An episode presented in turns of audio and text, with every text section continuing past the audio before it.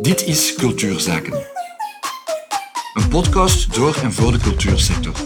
In dit tweede seizoen gaat Aminata Demba in gesprek met cultuurwerkers over het boeiende parcours dat ze hebben afgelegd, over hun ondernemerschap in cultuur. Laat je inspireren door verhalen die van cultuur een noodzaak maken. Welkom. Uh, gasten hier aan tafel zijn broer en zus Casper Jan Ramen en Herlinde Ramen, oprichters van Subbe Culture in België, een lidmaatschapplatform voor het promoten van beloftevolle bands en artiesten in een vroeg stadium van hun carrière. Heb je dat zo goed geformuleerd? Ja, eigenlijk wel. Ja? welkom eh, Casper Jan en welkom Hallo. Herlinde. Uh, Subculture bestaat in Nederland al uh, enige tijd. Waarom hebben jullie het initiatief genomen om dat ook in België te lanceren? Ooit? In de eerste plaats omdat we merkten dat er heel veel opkomende artiesten, buitenlandse Belgische artiesten, niet echt een plaats hadden binnen het Belgische circuit. Dat spreek ik wel over, over tien jaar terug. En daarnaast omdat we een overkoepelend platform wilden oprichten om um, in Hans België uh, opkomend talent eigenlijk ehm, een plaats te geven, te promoten en daar ook een, een, uh, een duidelijk en uh, vaste community van, van bezoekers voor te zoeken. Was dat meteen ook een, een denkoefening in het uitdagen van een verdienmodel voor jonge muzikanten bijvoorbeeld? Of uh, was jullie ideologie, uh, is dat van iets anders vertrokken? Eigenlijk hebben we daar al van, eh, van het begin vrij snel voor gekozen ook. Um, in, de, in de beginjaren hebben we al zo een tweetal jaar denk ik projectsubsidies aangevraagd, maar dat was, dat was echt voor de opstart, om zo een beetje van een buffer te hebben of zo. Maar we hebben eigenlijk snel, geko snel gekozen om een, een eigen verdienmodel op te starten eigenlijk. Ja, kan je een beetje vertellen over dat verdienmodel? Hoe begin je uh, daaraan om daarover na te denken en dat uh, op punt te stellen? Het concept uh, bestond in Subculture Nederland al en dat vonden we heel interessant, omdat je enerzijds als lid betaal je 8 of 9 euro per maand en uh, je krijgt gratis toegang tot een selectie van concerten, expos, events die wij uh, co-promoten. Dus eigenlijk bouw je aan een vaste community, een vast publiek, die, die iedere maand 8 of 9 euro betalen. En uh, op die manier ja, kunnen we onze eigen werking uh, ontwikkelen. Hoe dat we daarover nagedacht hebben, eigenlijk was dat idee heel vooruitstrevend, denk ik, voor de culturele sector, zo een, ja, een 12, 12 jaar geleden. En uh, we zagen direct wel naar de meerwaarde daarvan, omdat je door dat werken met dat lidmaatschap zorg je voor een veel laagdrempelige manier om opkomend talent te promoten. En is het lidmaatschap het enige de enige bron van inkomsten of zijn er ook andere bronnen van inkomsten waardoor jullie kunnen overleven? naast het lidmaatschap werken we ook samen met uh, partnerships. We werken uh, met zo'n 45 partners samen. En dan, dat is bijvoorbeeld een Beurschouwburg of een uh, Ancien Belgique of een 404. en met hen hebben we een afspraak dat ze adverteren in ons magazine. Of dat we ja, bepaalde projecten op, ja, mee helpen promoten. Ja, mee helpen promoten. Zit er een spanning op uh, wat jullie vragen voor je? Dus dat bedrag van 8, 9 euro, dat jullie vragen van jullie leden, uh, de inkomsten en uh, ja, de kosten die jullie daar tegenover moeten zetten. Um, blijft dat haalbaar om te overleven aan de hand van een lidmaatschap? Dus eigenlijk door die combinatie van partnerships en lid, lidgeld die combinatie tezamen blijft wel leefbaar, maar het is wel zo dat er, uh, dat er bepaalde dingen zijn die nu de laatste jaren uh, duurder geworden zijn. Onder andere magazine maken, print, printmagazine. Papier is super duur geworden. Dus uh, daardoor zijn we een beetje overgeschakeld van tien magazines per jaar naar zes. Dus twee maandelijks, wat dan nog altijd vrij veel is. Ja, en ook we merken dat de ticketprijzen ook naar omhoog gaan nu. Dus waarschijnlijk, we gaan ook wel moeten volgen. Anders is er een soort van discrepantie tussen wat dat wij aanbieden en de rest van de culturele sector of zo. Of de prijzen daar. Um, dus ja, het evolueert wel. Maar ik denk, als je dat hoe, als je cijfers goed bekijkt, dat je, het blijft wel leefbaar of zo. Anders zouden we het niet meer doen. En is dat iets dat jullie uh, ook op regelmatige basis doen? De cijfers bekijken, wat er leeft op de markt, wat er evolueert en, en zien dat jullie uh, ja, niet achterblijven of geen te grote fouten maken? Hoe doen jullie dat concreet? Je kunt eigenlijk zowel inhoudelijk zien, denk ik, als meer cijfermatig. Inhoudelijk is dat ieder um, omdat we constant op zoek zijn naar de juiste artiesten of opkomende artiesten die we kunnen promoten, waardoor dat we relevant blijven als platform. En dan puur cijfermatig, ja, denk indirect dat hen daar mee bezig zijn, maar we hebben daarnaast ook wel um, per kwartaal dat we onze, cijfers bijhouden. Ja, een boekhouder die er ook wel een keer af en toe op, uh, hamert van dat kwartaal was iets minder of dat kwartaal was al beter. Dus als we het zelf niet, er, er, niet op zitten, is er al iemand extern die ons een keer een por heeft of zo. Is dat nodig om uh, ja. externe mensen erbij te halen uh, om op ondernemend vlak uh, ja, toch geen te grote fouten te maken? Doen jullie dat regelmatig? Experten eigenlijk binnenhalen in jullie structuur? Ja. Jullie knikken allebei, dus uh, ik denk dat het antwoord ja daarop is. Kunnen jullie dat misschien uh, Het is soms makkelijker maken? om dat te doen met iemand, die, um, ja, iemand extern, omdat die het kan bekijken van buitenaf, terwijl dat jij echt van binnenaf uh, en met de nodige ja, misschien emoties of, of, of ja, je zit, er, je zit er volledig in, het is je eigen ding. Dus dat is moeilijker om dan een beetje uit te zoomen. En, en, um... Wat zijn eigenlijk meerdere zaken? Hè? Ja. We, we, hebben sowieso, we zijn veranderd van boekhouder twee jaar terug. Ja. En daar zitten we wel jaarlijks mee samen. En die geeft ons wel goede tips, puur uh, boekhoudkundige tips. Mm -hmm. ja. Maar daarnaast werken we ook samen met een coach die vroeger een boekhoudkundig kantoor heeft gehad. Mm -hmm. Uh, maar die voornamelijk eigenlijk vijf jaar plan, financiële plannen maakte voor, voor uh, bedrijven met, of uh, groeiers met ambitie. die heeft zijn boekhoudkundig bureau verkocht, maar die blijft wel zo coaching geven aan, aan opkomende of aan ondernemers eigenlijk. Maar wat betekent hij voor jullie en wat jullie doen? Zoals Herlien een beetje aanhaalde daarnet, um, bepaalde pijnpunten blootlegt ons werk probeert uh, af te bakenen, zodat we geen 10.000 dingen naast elkaar uh, doen. Ja. Dat, we en, dat we onze drive behouden, dat er een soort van constant, uh, dat je in je, je, je, een soort van in je zone blijft en dat je je focust op je eigen werk en dat je niet, als er problemen zijn bij een andere persoon binnen, binnen de organisatie met zijn taken, dat je daar gaat bijspringen, waardoor dat je eigen werk uh, plots uh, er ook onder leidt. Dat soort zaken. Maar ook gewoon puur van ja, waar wil je naartoe binnen vijf jaar, cijfermatig. Uh, hoe ga je dat aanpakken om daar naartoe te gaan? Ja, wat doe je graag? Wat kan je goed? En dan een keer naast je takenpakket leggen. Dan klopt dat wel. Ja. Dus, um, doe jij de juiste zaken, bijvoorbeeld binnen het team? Um, ja, en dan, ik denk er zijn sowieso ook zo'n soort van basisregels dat hij dan toepast op ons. Maar het, het, feit dat dat gebeurt met iemand buiten de organisatie of iemand die vanuit een heel andere achtergrond eigenlijk, want ja, hij, hij heeft een bijna puur financieel achtergrond, weet eigenlijk heel weinig over cultuur. Um, maar toch geeft hij ons heel duidelijke en supergoeie tips. En helpt dat dan om jullie, om jullie ja, ideologie te vertalen naar een soort van ondernemende mindset? Mm -hmm. En zou je dat dan noemen als een soort van, ja, zoals jullie zelf zeggen, pijnpunt die jullie misten zelf ja, binnen absoluut. de organisatie? Ik denk het wel, omdat wij hebben al twee geen economische achtergrond. We komen niet uit een ondernemersfamilie. Mhm. Um, dus voor ondernemen was voor onze moeder en vader iets van niet doen, gevaarlijk, Hmm. eh, want het is onbekend en uh, het zorgt zeker niet voor financiële rust in de begin, beginperiode. Door, door met zo'n mensen samen te werken en zo'n coaches, die helpen ons juist om, om de kennis die we niet, ha- niet hebben gekregen op school of niet hebben gekregen via familie of zo, om dat op die manier een beetje te, te versterken. En wat is een goede coach?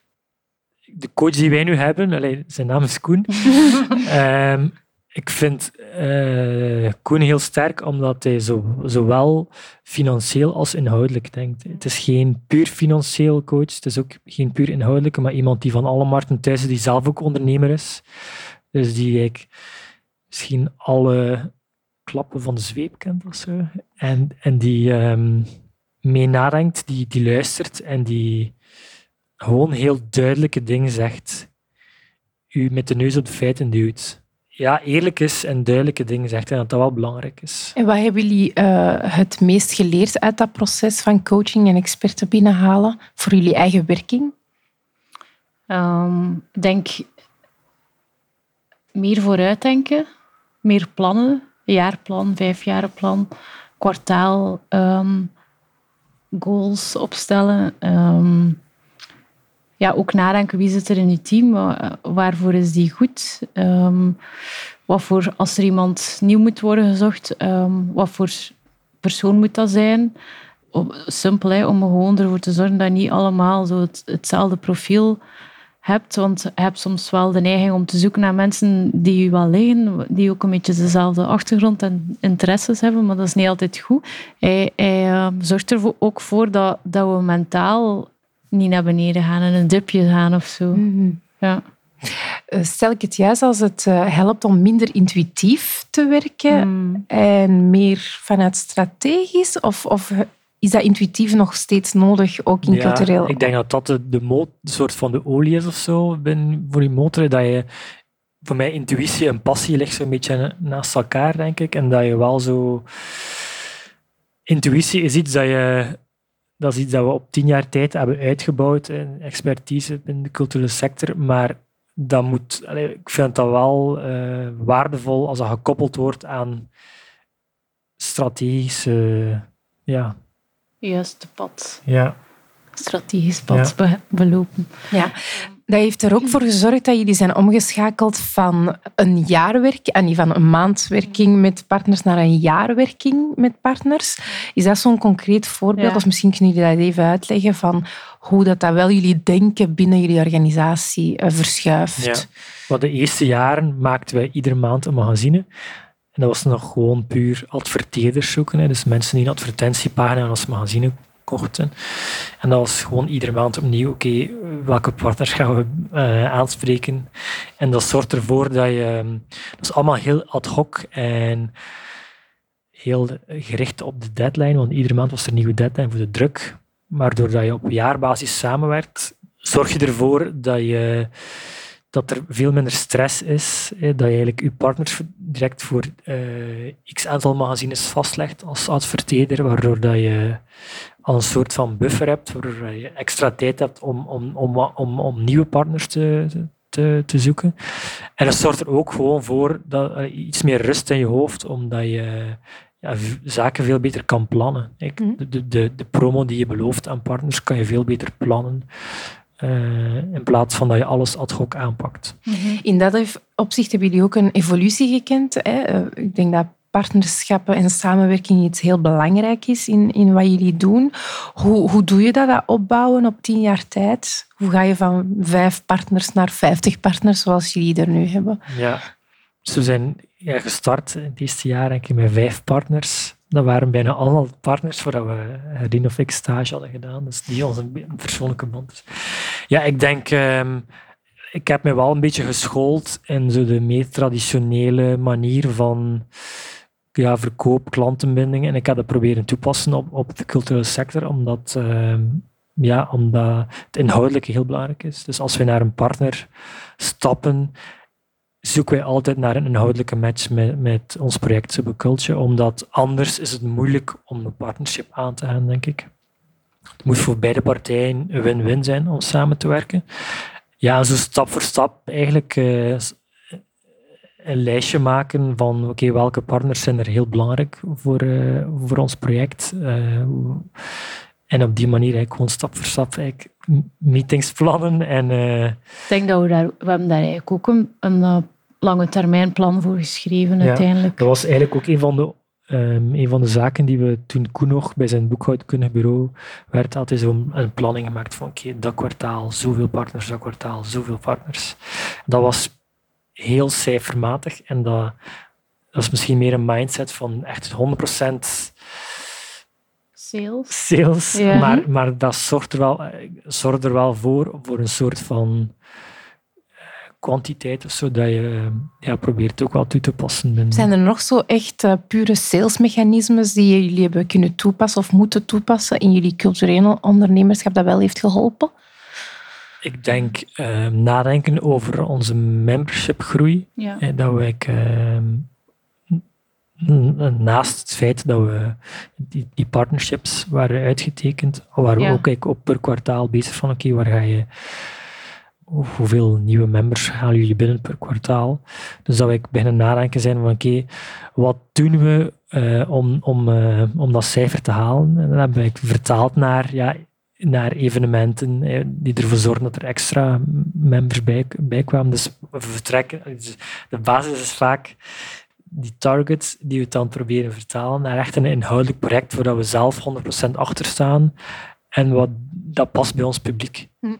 In dat opzicht zijn jullie heel afhankelijk ook van jullie publiek en de band eh, Mhm. waarmee dat jullie met jullie publiek hebben. Ehm, hoe, hoe hebben jullie dat opgebouwd? Eh, hoe dat verankeren van, van een publiek en een band daarmee, concreet? Uh, Is dat iets waar jullie- 100% in te zetten op samenwerken en met hen, hen, en hen te laten de organisatie meesturen. Dus ehm, wij twee bepalen niet alles zelf. Ehm, of wij doen niet alles zelf. Wij, werken samen met jonge mensen die eh, distributie doen, die fotograferen, die ehm, artikels schrijven, die ook andere mensen aanbrengen.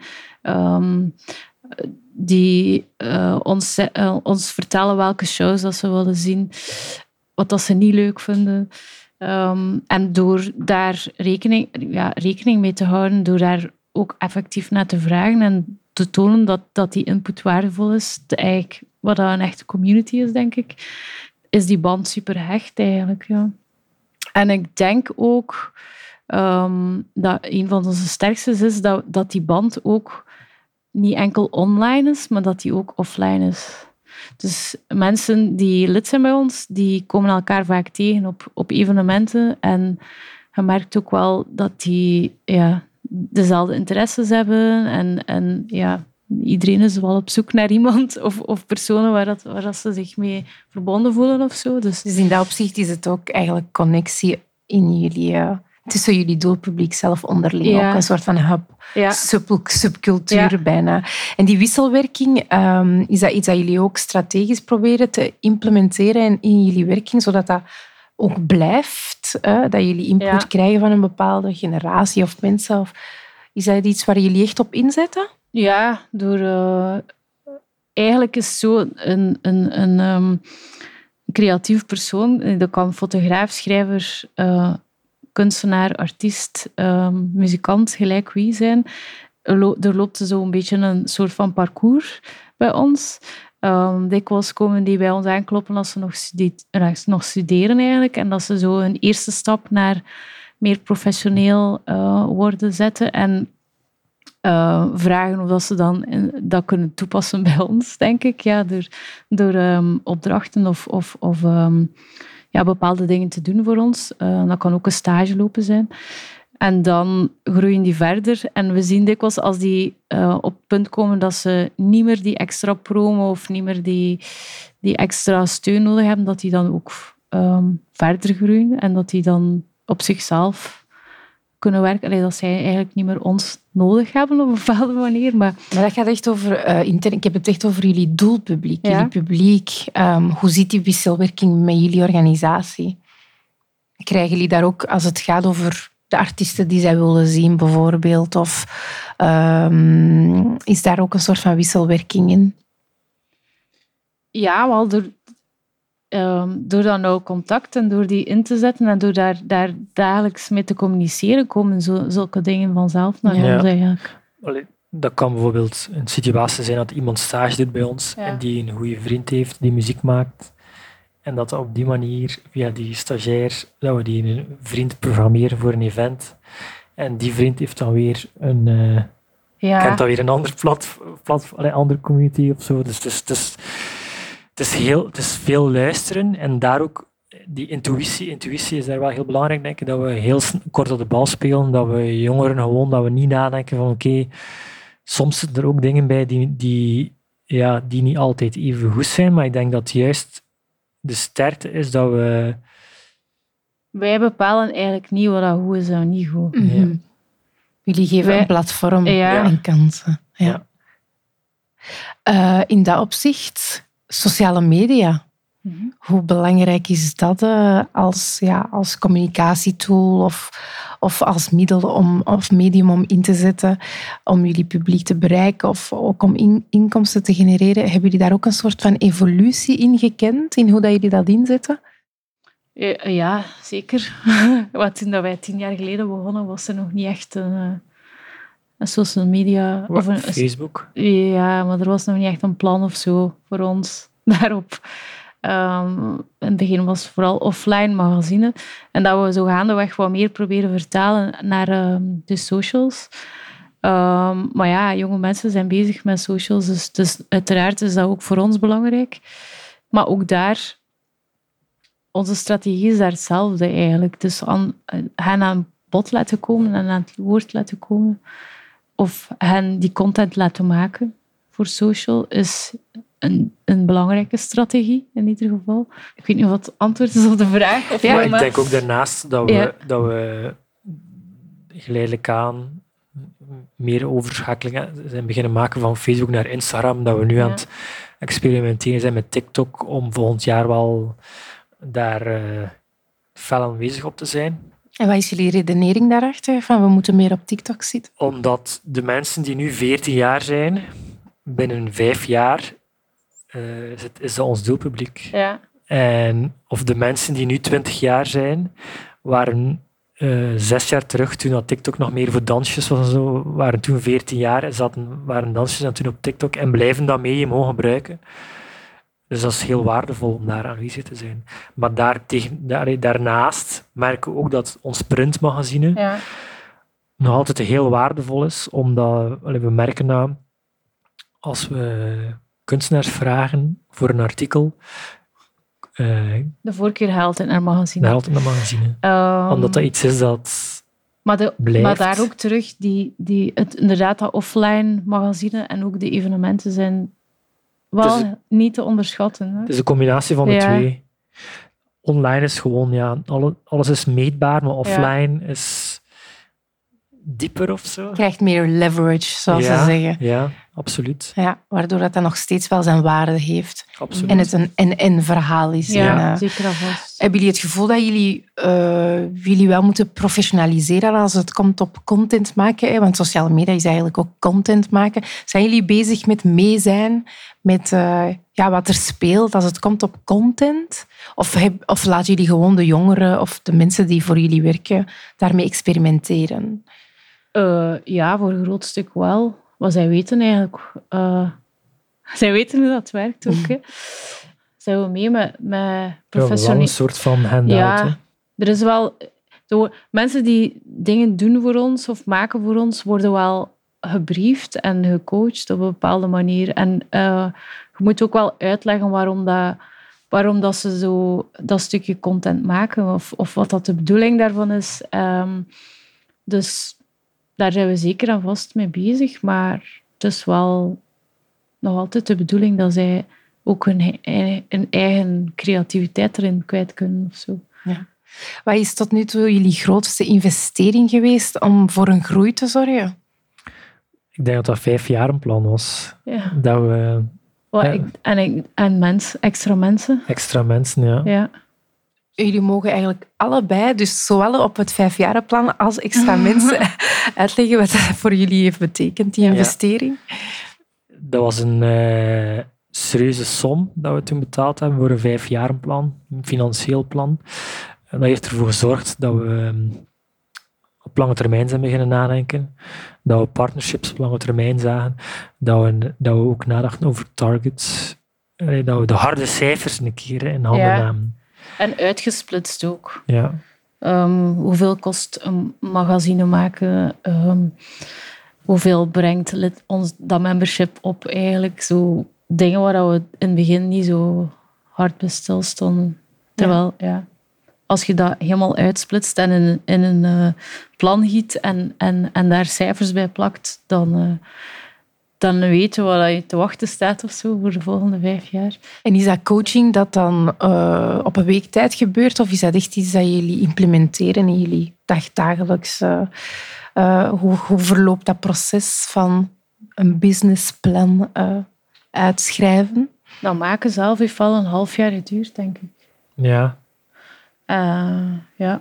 En maar ja, niet, niet van het oplijsten van die cijfers, maar um, zij, zij, zij hebben toen eigenlijk... Ze zijn begonnen met ons te interviewen eigenlijk. Zo'n soort van interview. Wat doe je? Wat wil je doen? Of waar, waar groei je naartoe? Um, wat is de bedoeling? En dan gieten zij dat, dat verhaal van ons echt in een standaardplan, denk ik. Want uiteindelijk uh, zijn we zeker niet de enige die dat plan gebruiken. Um, maar ja, het wordt een beetje toegespitst op je, op uh, werking. Ja. Heeft hij een, uh, zijn rendement, return on investment, uh, gekend? Jullie Absoluut, knikken allebei. Ja, ja. ja. na, en hoe jaar... concreet? Wel, welke, welke sprong hebben jullie dan gezien na één jaar?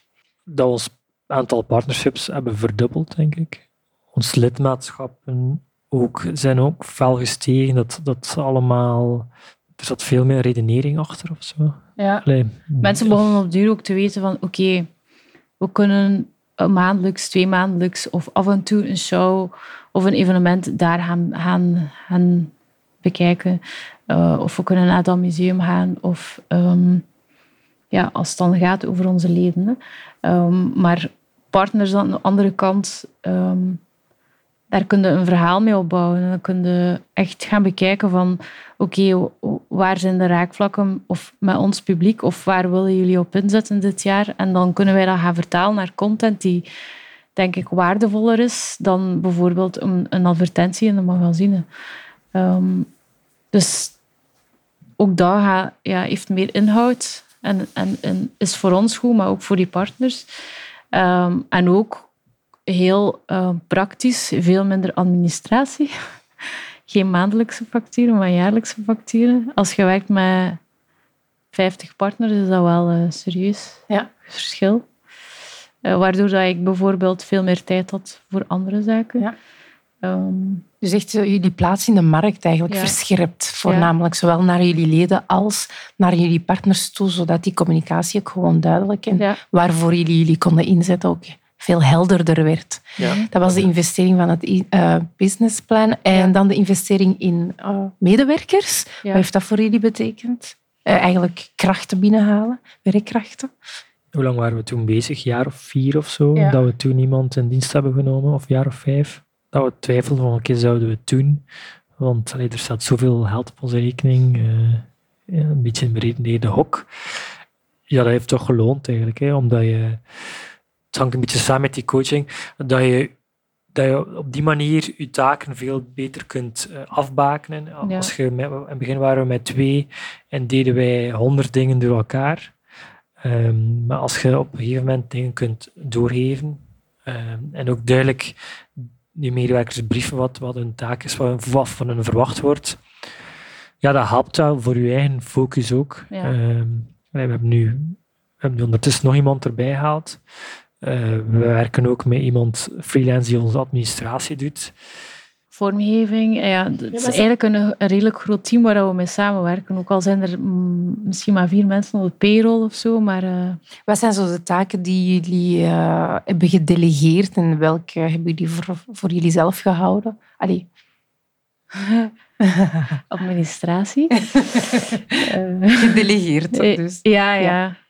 Um, oh, niet dat, dat, dat dat niet lukte of zo, maar dat nam alsmaar meer en meer en meer en meer tijd in beslag, omdat we ook aan het groeien waren. En je hebt dat soms niet meer door, dat je daar eigenlijk de helft van de tijd aan werkt. En uiteindelijk, en dat kwam bijvoorbeeld uit een coaching, coaching sessie met Koen, um, uiteindelijk is dat niet iets dat ik wil doen of zo. Ik kan dat wel, maar het is niet dat ik dat super graag doe. En ik denk dat je dan beter inzet en dat overdraagt aan iemand die dat wel graag doet. En dan met volle hoesting en energie uh, zich daaraan zet. En dan is dat ook veel beter gedaan. En dan is mijn werk ook veel beter gedaan.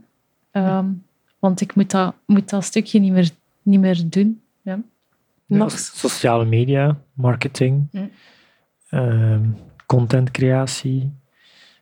Wij zijn eigenlijk geëvolueerd van we, doen, wij deden alles zelf in het begin naar nu dele- delegeren we eigenlijk. Ja. En wat houden jullie voor jullie zelf? Of wat is toch belangrijk om, eh, om bij jullie te De houden? partnerships, omdat er, ehm, ik denk dat voor partners het ook belangrijk is dat, dat er ehm, een soort van standvastigheid is. eh, dat, allee, dat, dat ze weten, ik heb bij Subculture, als we daar een jaar mee samenwerken, we vertrouwen die. En het gezicht is Casperian. We hebben altijd contact met Casperian. Dat dat niet iedere maand iemand anders is, want dat zorgt ervoor dat die continuïteit eigenlijk verloren gaat.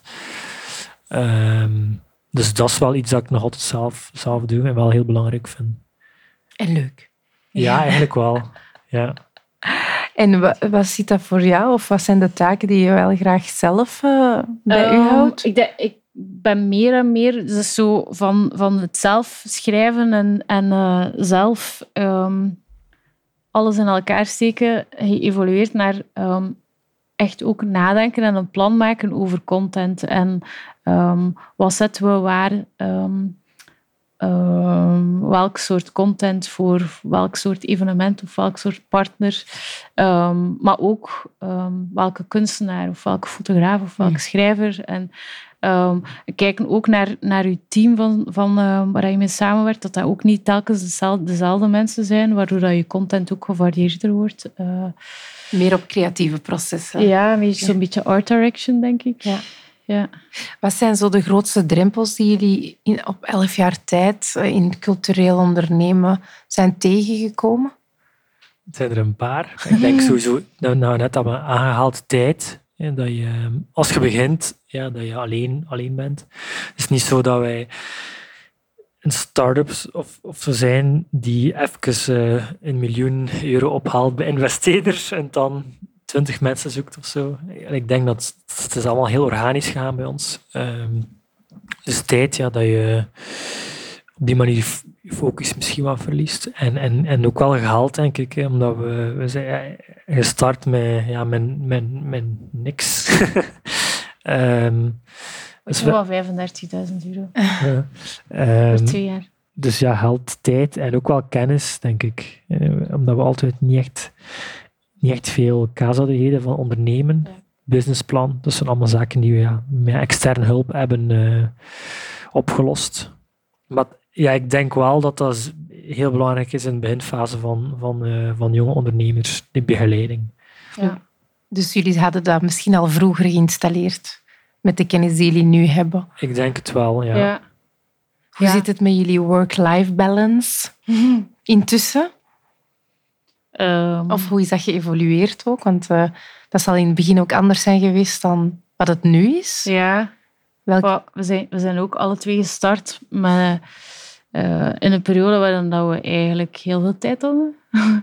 ook ehm, s'avonds en zo, dat we eigenlijk heel veel evenementen zelf bezochten. Maar ja, gaandeweg, ja, je leven verandert ook. Hè, maar je, familiale situatie verandert. Dus het is ook niet altijd evident om dan zo s'avonds nog eens van alles te doen.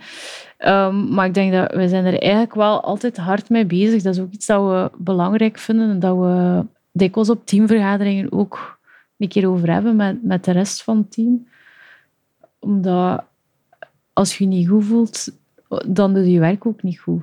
Dus ja, die balans is super belangrijk. Dus ik denk dat hij goed zit. Misschien soms nog beter kan, maar we zijn er in ieder geval mee bezig. Dus, Ja, en ook het feit dat we de eerste jaren, eh, het allereerste jaar werd het vanaf, vanaf mijn slaapkamer. Dan zijn we verhuisd naar een kantoor, eh, een omgebouwde fietsenstalling, eh, waar jij nog woonde. Mhm. Dus nu, sinds 2014, huren we effectieve kantoor waar we de deur achter ons toe kunnen trekken s'avonds. Dat helpt al ook voor mentale rust, omdat een beetje te kunnen afsluiten Ja. ook. Want ik denk, eh, zeker als je zo creatief bezig bent of als je eh, bezig bent met je eigen bedrijf, heb je soms die, die rust of die afstand een keer nodig om dan eh, de juiste beslissing te nemen. Of, of, ehm, Heeft dat een nefast effect als je erover gaat? Ja, Zien jullie dat? absoluut. En hoe Ja. vertaalt zich dat dan? dat vertaalt in... Geen focus, Ja, geen energie. Ja. Ehm, ja, dat zijn wel de belangrijkste, denk ik. Geen efficiëntie in, Geen Ja. efficiëntie, nee. ja. in wat je doet. Een beetje Ik, allee, ooit de iemand- draad verliezen of zo. Iemand ja. zei tegen mezelf dat, eh, dat, dat, dat ondernemen eigenlijk net als topsport is. En, en topsport, ah, voetballers worden, Ook mentaal. worden mentaal gecoacht, worden gecoacht op vlak van voeding, worden gecoacht op vlak van stat- eh, strategie, gecoacht op vlak van financiën. En een ondernemer ja, die is er met dezelfde drive mee bezig, maar die, wordt, die moet allemaal zelf oplossen. Ehm, dus je moet wel, allee, je kunt niet een onderneming runnen en dan s'avonds of iedere nacht weggaan tot stuk in de nacht of zo. Je moet, allee, het is wel een soort van Balans. balans en eh, eh, verantwoordelijkheid ten opzichte van ja, ja, zeker als je dan begint te werken met, met andere mensen. ja, En eh, hoe is cultureel ondernemen voor jullie anders dan ondernemen in de privésector bijvoorbeeld? Wat is het fundamenteel verschil? We hebben nog nooit onderneemd in de privésector, dus ja, eh, ik denk Het ondernemen... blijft moeilijk, of in België in ieder geval, blijft dat moeilijk om cultuur te rijmen met ondernemen. Dat wordt dat beeld van een kunstenaar of... of, of, of Het is eh, wel aan het veranderen, heb ik het ja, gevoel. ja, zeker en vast. Maar het is nog altijd niet evident of zo, die combinatie. Wat ik vind wel de, de, het interessante vind ik persoonlijk dat je, maar moest je nu gewoon eh, een bedrijf hebben en eh, ik zeg maar wat badkamermeubels of zo, dat, ja, dat zijn gewoon random dingen, terwijl dat je nu in de creatieve sector met, bezig bent met, met mensen met echt een talent hebt en dat je ze ja, naar, naar boven kunt duwen en dat je daarnaast een publiek hebt dat geïnteresseerd is in dat talent. En dat vind ik super waardevol, dat je ja, met, met mensen bezig bent in plaats van met random Producten. producten. of zo. Ja. ja. Ik denk dat dat wel eh, heel waardevol is. ja. Eh, jullie zijn broer en zus, familieleden die samenwerken. Eh, hoe zouden jullie dat... hoe werkt dat, samenwerken met een familielid binnen het culturele ondernemerschap dat jullie doen? Het heeft sowieso zijn voor- en zijn nadeel. Hè. Ik denk dus nadeel is dat je er veel meer dingen uitflapt. En als je dan in een team zit, dat mensen soms een keer denken van, wat zijn die nu tegen elkaar? Omdat dat, dat broer en zus gegeven natuurlijk speelt. En het voordeel is dat je elkaar, denk ik, meer vertrouwt en dat je... Ook do- bijna direct door hebt wanneer dat die andere even een dipje heeft of zo. Of, of je kent elkaar ook Ja, beter. Waardoor dat je elkaar kunt versterken Ja. of ja zo. inderdaad. Ja, ja, ja. Je kunt al sneller een keer iets zeggen van dat past niet goed of dat vind ik niet goed. ja, ja, Zonder ja. dat dat zo direct zo een persoonlijke aanval wordt. Minder ik. een filter. Ja, Inderdaad, zoiets. Oké. Ehm, waar willen jullie staan over vijf jaar? Of wat willen jullie betekenen voor ja, de muzieksector in het algemeen en voor jonge artiesten specifiek? Hebben jullie daar een idee over? Ik denk, de referentie blijven of zijn voor, voor, voor nieuwe muziek en kunst. Zowel ons publiek dat weet van oké, als ik nieuwe dingen wil ontdekken, moet ik bij Subculture zijn. Als partners nieuwe artiesten willen promoten, dat ze direct aan Subculture denken. En als jonge artiesten ehm, zichzelf willen lanceren, dat we daar een bepaalde rol in kunnen spelen. Dat we, dat we beginfase, ja, die beginfase is ja, heel, heel belangrijk. En dat we, dat we jonge mensen kunnen blijven eh, inspireren en eh, een verschil kunnen maken in, eh, in carrière of zo. En voor we afsluiten, wat is de ultieme tip dat jullie kunnen meegeven aan eh, jonge mensen, net afgestudeerd, die interesse hebben in het cultureel landschap en eh, daarin dingen willen ondernemen? ik denk dat je sowieso moet vertrekken vanuit jezelf en, en jezelf een keer onder de loep nemen en, en, en, je afvragen van wat, wat wil ik vertellen of wat is mijn... Of mijn- waarom dat je het doet. Ja, waar, waarom, waarom wil ik dat doen? Iets dat, het moet eigenlijk diep van, van binnen komen of zo. Want als je je- vergelijkt of, of ehm, meet met andere mensen, dan is dat geen goede basis. Die drive moet van jezelf komen. En als die niet 100% juist zit, dan ehm, gaat er het ook niet 100% juist uitkomen, denk ik. Ehm, dus ja, dat is superbelangrijk. En Daar daarnaast, moet je mee beginnen, denk ik. en denk ik daarnaast je snel omringen met de juiste mensen die, de, die de beste expertise voor jou hebben. Dat kan Ja. strategie zijn, dat kan financiën zijn, dat kan administratie Inhoudelijk. zijn, inhoudelijk. Ja. Omdat je zelf alles niet kunt doen. Ik denk dat dat eh, iets is dat wij Mhm. deze jaren te weinig hebben gedaan, maar er wel, heeft, er wel voor kan zorgen dat je veel sneller eh, doorgroeit. Ja. Dus eh, goed weten wat je passie is. Ja. En meteen beseffen dat je niet alles zelf kunt doen. Ja. En dan kun je heel goed van start. Ja. Ja. Casper-Jan, Herlinde, dank je wel voor jullie bijdrage. Het was heel fijn jullie hier aan tafel te hebben. En eh, ja, veel succes met eh, alles wat jullie nog gaan doen in de toekomst. Dankjewel. Bedankt voor het luisteren naar Cultuurzaken. Op zoek naar meer inspiratie, informatie of advies? Met Cultuurloket maken we meer dan podcasts.